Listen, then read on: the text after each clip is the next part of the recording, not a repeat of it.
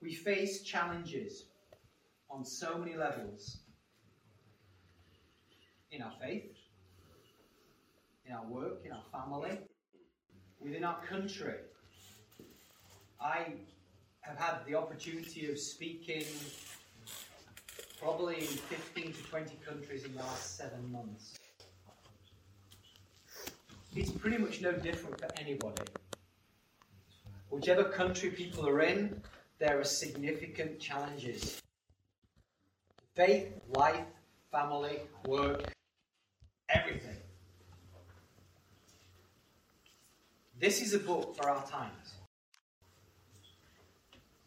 And it's not only a book for our times, but it's a book for us as we walk through those times. Paul, at this time, was pretty much at the end of his life a long and tiring ministry. He was in prison facing death. He himself was faced with the challenge of finishing well. And his purpose in writing is to encourage a young man who's leading the church, who's pastoring the church in Ephesus.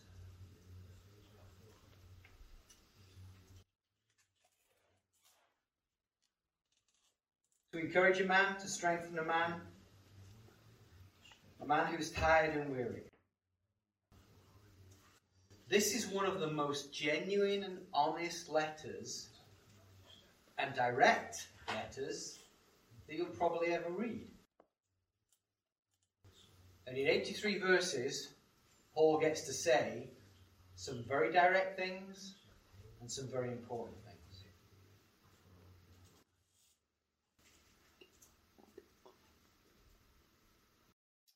Okay, so if you like outlines, we're going to look at four things in the next 40 minutes. Right? I want to talk about genuine faith. I want to talk about the fact that genuine faith leads to action. That's the second thing. Third thing genuine faith has purpose and calling. Fourthly, genuine faith is based in knowing who we follow. Okay, so four things we're going to do. We'll look at genuine faith. Secondly, genuine faith leads to action. Thirdly, genuine faith has purpose and calling. And fourthly, genuine faith is based on knowing who we follow. Okay? Yeah? Yes. You can talk to me. Good. Good. Good. Thank you. Okay. Genuine, in English, the definition, don't know what it is in Dutch, but in English it means this something that is real and exactly what it appears to be. Something that is real and is exactly what it appears or seems to be. It is what it is. Yeah? Right. You guys good? Yes. Yeah. Am I, okay, from a language point of view, am I going too fast, too slow? Okay. Okay. Using, using, using a good range of words that help. Don't, don't go any faster. I really don't, I don't care. Don't go any I'm, I'm more interested in anybody else in this. Okay, I, do you want me to change dialect? No, no, no. No. Is there it? It's You good. Yeah. Huh? We're gonna, we're gonna go on the town, eh? Yeah? Yeah. I just asked if he wanted to go for a drink, but he said yes, so I didn't do that. Okay, so, okay from the point of view of language, speed. Yes. Yeah. If it isn't, tell me and I'll change it. That's okay. It might get ugly, but I'll try and change it. Okay, cool. Right. I'm going to read just the first uh, five or six verses of uh, 2 Timothy. So feel free to just follow in your own Bible if it. I don't know what translations people using. Paul, an apostle of Jesus Christ, by the will of God, according to the promise of life which is in Christ Jesus. To Timothy, a beloved son. Grace, mercy, and peace from God the Father and Jesus Christ our Lord. I thank God, whom I serve with a pure conscience, as my forefathers did. Without ceasing, I remember you in my prayers night and day, greatly desiring to see you, being mindful of your tears, that I may be filled with joy when I call to remembrance the genuine faith that is in you, which dwelt first in your grandmother Lois and your mother, and persuaded that it is in you also. Therefore, I remind you, stir up the gift which is in you through the laying on of my hands. For God has not given us a spirit of fear, but of power and of love and a sound mind. Father, we, we ask you would lead us, you would teach us. You would give us understanding. For we ask these things in Jesus' name. Paul simply calls himself an apostle by the will of God. At the end of his life, he had a confidence that God had called him, that God had used him. Even in the circumstances he found himself, he had this enduring confidence that he was God's and God had called him. By the will of God, by the promise of life. It's interesting that, that, that Paul facing death contrasts what he's doing with a promise of life. Jesus has called us to abundant life. That's not only about quantity, but it is about quality of life.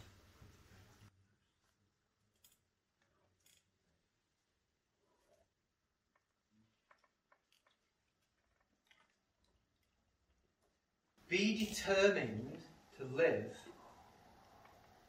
and have abundant life.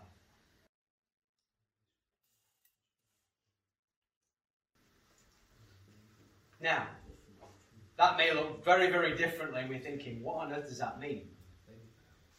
Well, we'll talk about the bit as we go through. Timothy, he was called a dearly beloved son.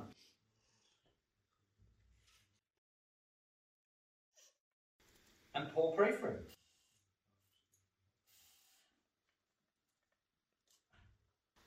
Without ceasing, I remember you my prayers day and night, greatly desiring to see you. The first thing that Paul identified and remembered in relation to Timothy was the fact that he had a genuine faith. He was the real thing. Quite simply, he was the real thing. It's interesting. The word genuine here is actually means without hypocrisy. Greek word. So we're going to be in another language at this point in time. It means to not wear a mask. That's literally what the Greek word means. To not wear a mask. Okay, it's a theatre term. Right? Now, I don't know what it's like, the theatre is like in Holland, but a lot of places I've been in Europe, if you go past the theatre and by the name, you'll often see a mask at one end that has a smile, a mask at the other end that has a frown. Comedy and tragedy. And back in the days of Greek theatre, what they would do is they would wear a mask. So if it was a comedy, it was. If it was a tragedy, it wasn't smiling. And so you start to get this understanding that the actors, they weren't happy or sad, they were just wearing a mask. And the mask said they were happy. Or the mask said they were sad. The word genuine means to not wear a mask.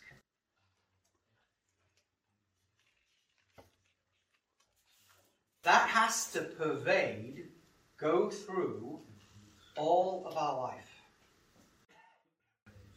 Whether it be at work, at home, on the sports field, the hardest place, to be honest.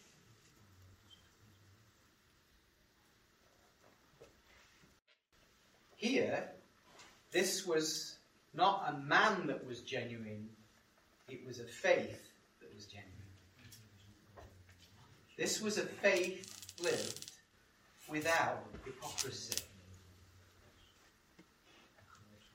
There is no New Testament sense of being a Sunday Christian. There is no Paul speaking, having a sense of that Christianity was something you put on on a Sunday, but you took off for Monday. That would be the whack, that would be the mask to be worn. What he saw in Timothy was genuine faith that didn't wear a mask. Now, that doesn't mean you have to know all the answers.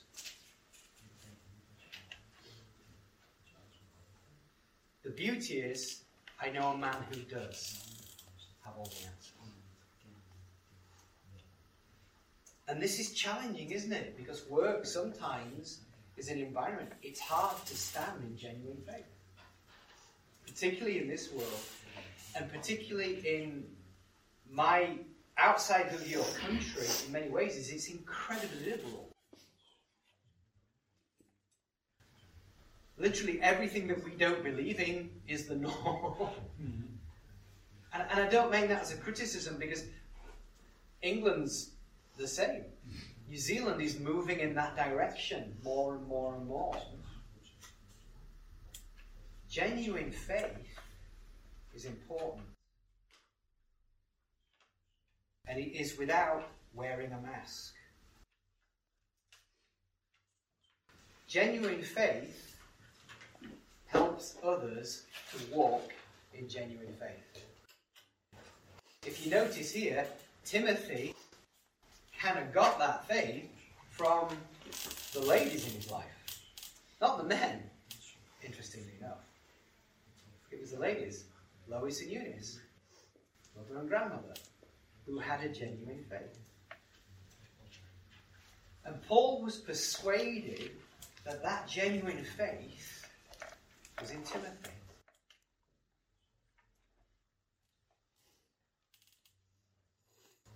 How was he persuaded?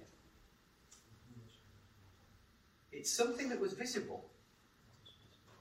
Do you know that real faith is visible to others?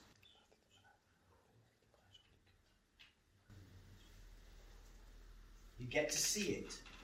You might not understand it, but you get to see it. You get to see a genuine life living in faith.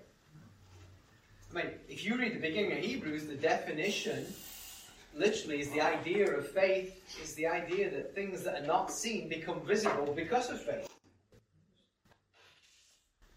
Paul saw this.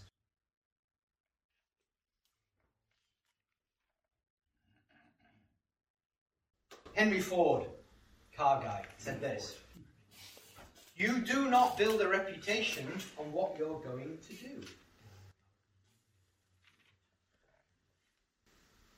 You don't build a reputation on what you're going to do. Your reputation is based on what you are and what you do. That's what that means in reality. I have lots of young men. I, have worked on the mission field in Bible school for a long time now, and I get lots of fired up young men who come to Bible college and they're going to change the world. And they tell you all the things they're going to do. And it's kind of great. It don't mean anything. I mean, I admire it, I like it, I'm excited by it, but I'm not confused by it. Because if they're still there two, three, four, five, six, seven years later doing the same thing, and they're doing it, praise the Lord. So when we start talking about biblical things, you cannot rely on what you're going to be. How our faith is, how genuine it is, how real it is, is how it is now. That can be good, and that can be ugly.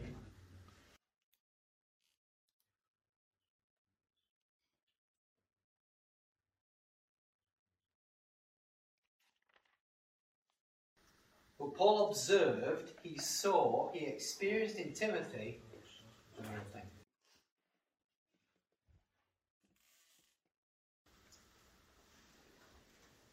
Now, what happens next is interesting.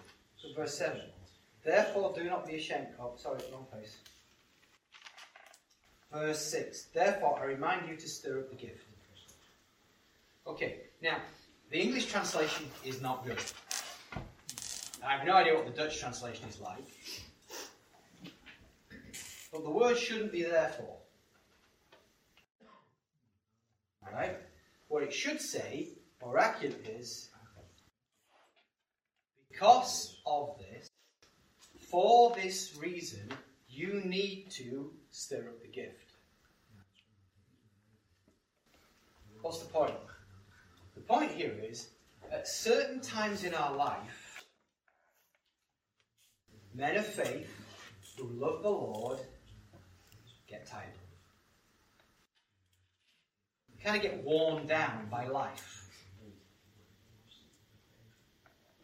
The passion that perhaps used to be there isn't quite there anymore. Sometimes it's there. A lot of time it isn't. A lot of time it's just life is hard. Providing's hard. Gas bills are ridiculously stupidly expensive. Pressure of making sure the kids get to all their activities. Pressure of getting out to work early. Pressure of relatives getting older that you have to care for. Sometimes passion gets worn away. Now, with Timothy, that's what had happened. We know that really from 1 Timothy. Because he was left at the church in Ephesus to sort out some conflict. Probably with people who were elders in the church who were teaching things they shouldn't be teaching. That's confrontation. That is not fun. And it's not easy. And at this point, he's probably had five years of that. He's tired. Paul encourages him says, You've got genuine faith. Because of this, for this reason, something needs to happen. And he encourages him to stir up the gift that he's been given. To continually stir it up. Right? Now, we don't know what that gift is. We're not told. We, we could guess, but that's generally not a good idea with Bible stuff. We're not told. But we're told that it was significant and that he'd been given a gift basically for ministry through the laying on of Paul's hands. But he stopped using it. That's the inference. That's the story behind the story, is that he was no longer doing those things that perhaps he did do. That is post pandemic church. Just in my little experience, and that in the last seven or eight months has probably been about 10 or 12 countries. What's interesting is after the pandemic, the church has changed. There are people who don't come anymore, Right? And there are people who were serving and doing stuff before, now are not.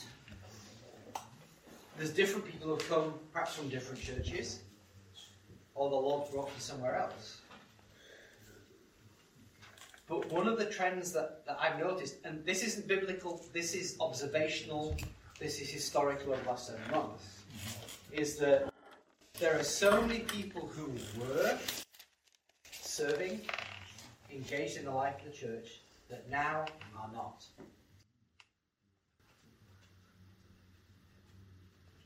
Don't really know all the reasons why. It's probably a whole bunch of them.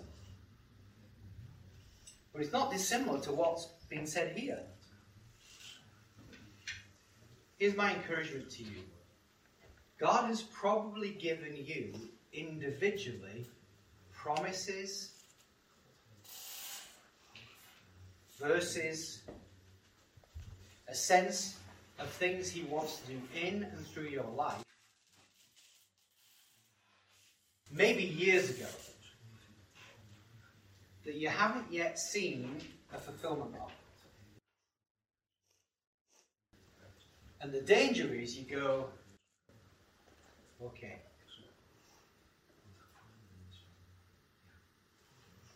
The encouragement of 2 Timothy is stir it up. God's not done with you. God's not done with us. He's not done with us because of our failure, because there's grace that overcomes all failure. And that's hard for us to get our head around. God is not done with us. Timothy was asked to stir up that gift continually. It literally means to set it afire again. Timothy was probably failing to use the gifts that he'd been given and they become weak in faith.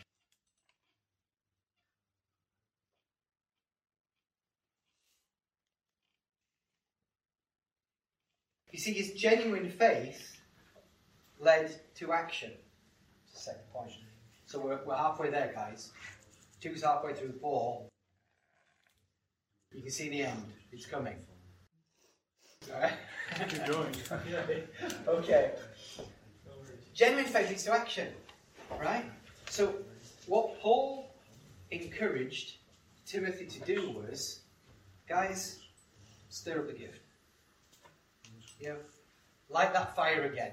The picture is very much of a fire which is still red in its embers but really not providing any warmth. So you chuck petrol on it and it gets bigger. That's the male approach, sorry. You, you gently care for it with putting the wood on it. Or oh, you just chuck petrol on it. but it becomes something again that fulfills its purpose. Because fires are great, but when they're not giving any warmth, they're really not very useful. When they're not giving any light, they're not very useful. They can be alive, not very useful. They become useful when they heat, when they give light. Genuine faith, the call to Timothy at this point in time was stir it up. He's in a context which is difficult, which is challenging, which is hard, tiring. And as a result of that, his passion, to some degree, has worn down. Time now. Genuine faith leads to action. Time now. It's time to kind of rekindle some of these things.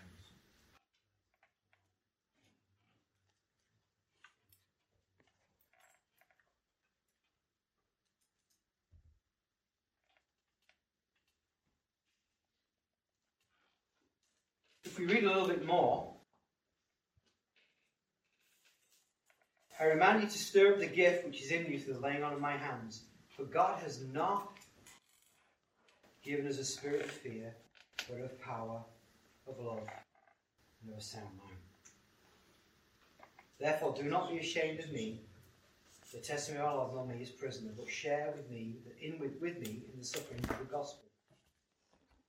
According to the power of God who has saved us and called us with the holy calling, not according to our works, but according to his purpose and grace which was given to us in Christ Jesus. Timothy not only had genuine faith, not only had genuine faith which required action, but his genuine faith had purpose and calling. Okay, as a New Zealander, every Kiwi kid, Kiwi's a term for New Zealand, by the way, if you didn't know. Right? It's not fruit, by the way. It's a bird. It doesn't fly, but it's a bird. Okay? Every Kiwi kid, when they grow up, they want to be an All Black. Our national game is rugby. Right? And for a population of 4 million people, we're really quite good at it.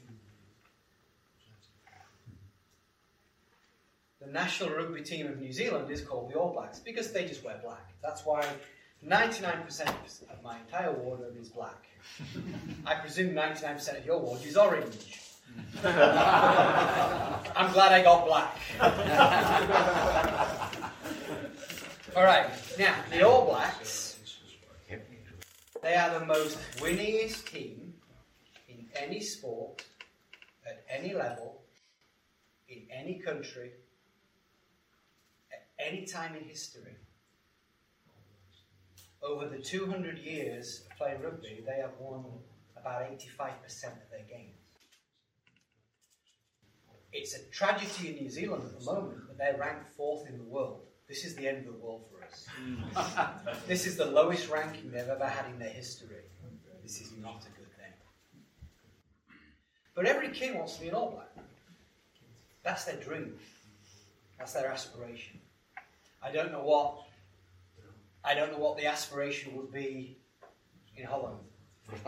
When it would be to follow Max Verstappen. follow Max Verstappen. Whether it would be to follow in the, steps, the footsteps of Johan Cruyff, if anybody you can remember Johan Cruyff. Yep. And not play like Ajax did the other night. um, every kid wants to be an All Black. But the reality is, what happens is that for most people that doesn't happen. And by about 25, you realise, oh, that happened. By the time you get to 30, I got to 30 and I went, was this it? Is this it? Is this as good as life gets? And we often, as men, we lose sight that God has a calling upon our life which is significant. Turn with me to Ephesians 2. And, and I want to just give you a thought.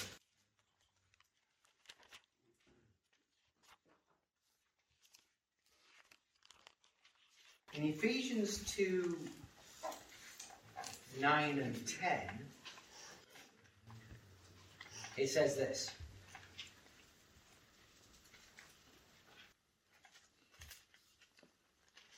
Or verse 10.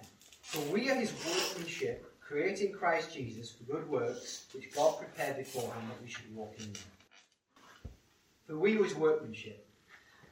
The word workmanship there, Greek word poiema, means poetry. So you're all a piece of poetry. Feel manly now? Mm-hmm. Alright, so we're workmanship. But notice what it says. We are created in Christ for good works. Mm-hmm. That word for good, there are two words for good in Greek. That particular one means useful. Right? So you are his work of art, created to do something useful. Right? Notice where it says, which God prepared beforehand that we should walk in them. Okay? What does that mean? It means this. You were created, and I was, I was created to walk in the things, the useful things that God has prepared for His glory And now it's time for me to do those things. Yeah? Amen. Say amen or nod at me. Because I can try and do this in a different language if you want. It'll get ugly, but we can try. so, we need to have a sense of biblical purpose. And sometimes you get to my age and you think, like, I don't have any purpose. One thing I've been doing for the last 25 years is leading Bible schools. My Bible, our Bible school in New Zealand, which is brilliant, closed with COVID. Our borders are closed. No international students. I know the job. Talk about a sense of loss of purpose. Huge. But God has created us in Christ Jesus to do useful things, not to be useless, gentlemen, to be useful. He's prepared it beforehand that I get to walk in it now. Alright? That's stirring up. With Timothy, he was encouraged to re-stir that up. But what's necessary in that is courage. Genuine calling is genuine courage. When it says here in Timothy, in, in Timothy, it says, For God did not give us a spirit of fear. It's kind of the wrong word. It means cowardice. Very strong word in the original language that means don't be a coward. God didn't give us spirit.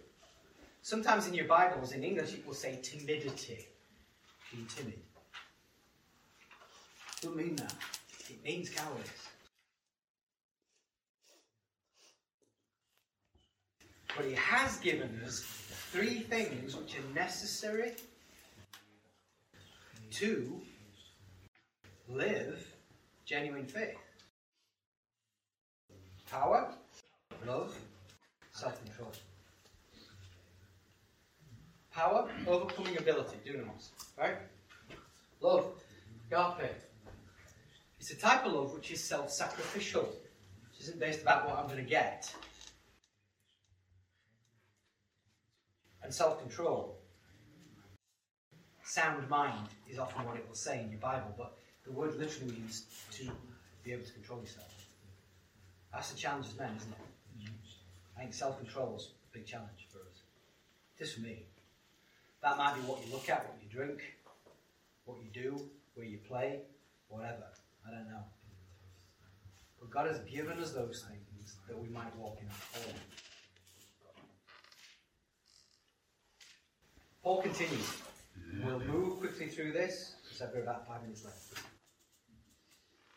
Verse 8 Therefore, do not be ashamed of the testimony of our Lord, nor me, his prisoner, but share with me in the sufferings for the gospel to the power of God, who has saved us with a calling, not on our own works, but according to his own purpose, grace given to us in Christ Jesus before time began.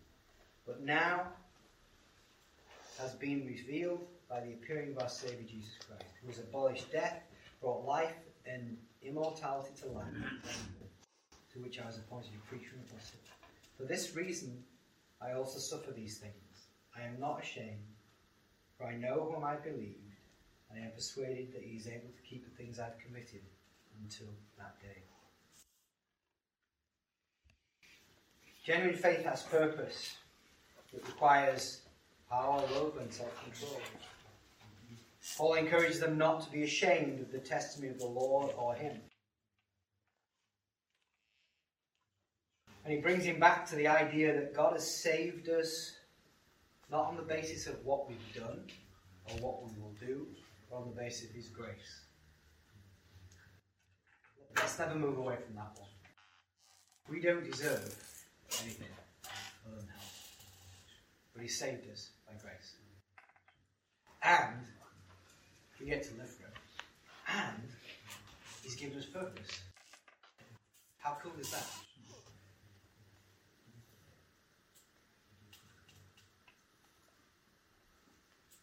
We could go to so much detail in this. It normally takes me takes me about 70 hours to teach this book, and we're not going to do it for 70 hours.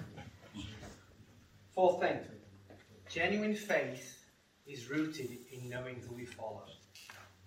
There are six I am sayings of Paul in the latter part of this chapter. He says this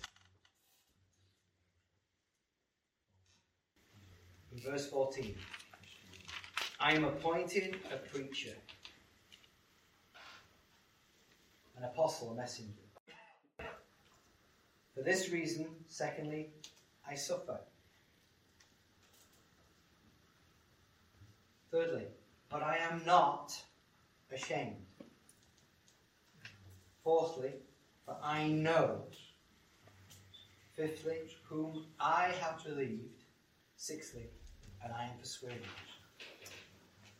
See, this book is ultimately deeply personal. It's not about even the guy next to you, it's about you. It's about me. At this point, he's not really dealing with the body in the wider sense. He's making a direct statement to a single man to be genuine and strong in faith. And Paul expresses ultimately that his genuine faith is rooted in something, that he knows something. Yeah, he's appointed a preacher. He knows he's appointed as a preacher. The result of that is he's actually suffering. By following God's call, he was actually suffering. He was in a prison at in time.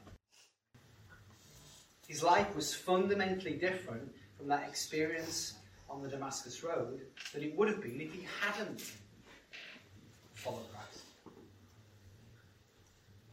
And with it, some things were lost to him because of that. One thing we have to reconcile is that we are blood bought. Jesus bought, if you belong to him, Jesus bought you with his blood. He owns you.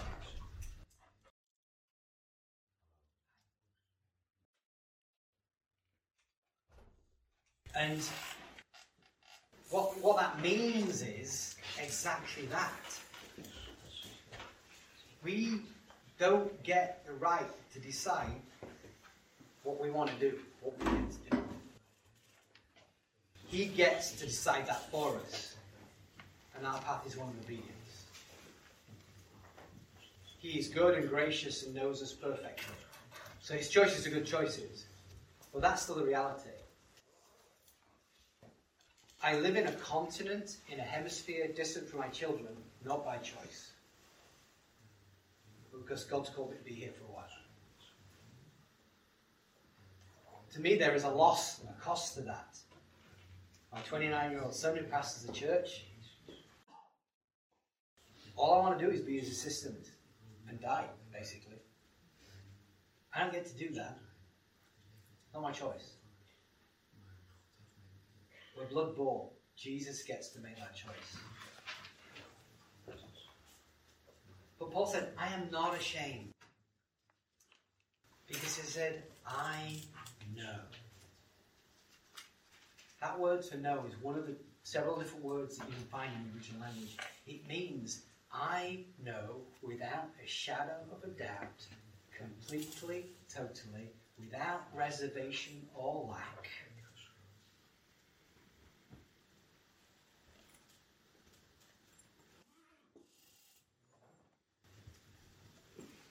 And it's written as a past tense, so it's a resolved issue.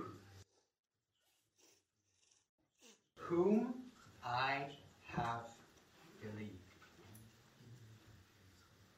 How big was his Jesus? How powerful, how real was his Jesus? He said, I know. Yeah, I might not know everything, but I, one thing I do know is this I follow risen Christ. And I am persuaded. Very English phrase. The word means to be convinced. I am convinced that he is able. The word able there is a word for power. Dunatos. I am convinced that he is able to keep that which I have committed to him.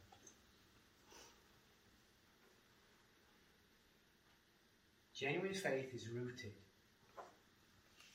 in knowing who Jesus is. And honestly, that's kind of the only thing you need to know.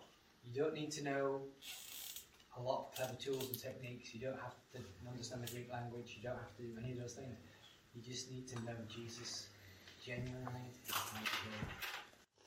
and know that He is able to do with anything that comes. Cling to that.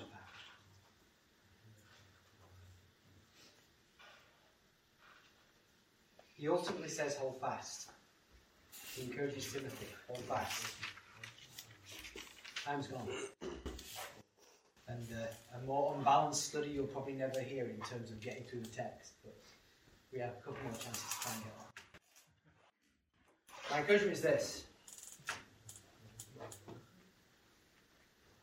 We want to finish well. At the heart of finishing well is genuine faith. Genuine faith has action. Timothy was stirring up a gift. Genuine faith recognizes purpose and calling. We were all individually made, as weird as you all are, perfectly for what God called you to do. Look at Paul. There was nobody on earth like Paul who could have done the things that Paul did. You know, he was a Hebrew, trained as a Pharisee, who happened to be a Roman, who could walk in a Roman world, had the right to do it. He had the passport, so to speak. But at the same time, understood the Jewish faith like literally nobody else sitting at the feet of Gamaliel. He was made for what God to do. In the same way, son. Genuine faith, genuine faith leads to action, has purpose and calling. And genuine faith is rooted in knowing Jesus, knowing who He is. Amen? Amen. Father, we thank you for your goodness and your kindness, and pray that you would sift this. Do with it what you wish. Have your way in our hearts, we pray. In Jesus' name. Amen. Amen.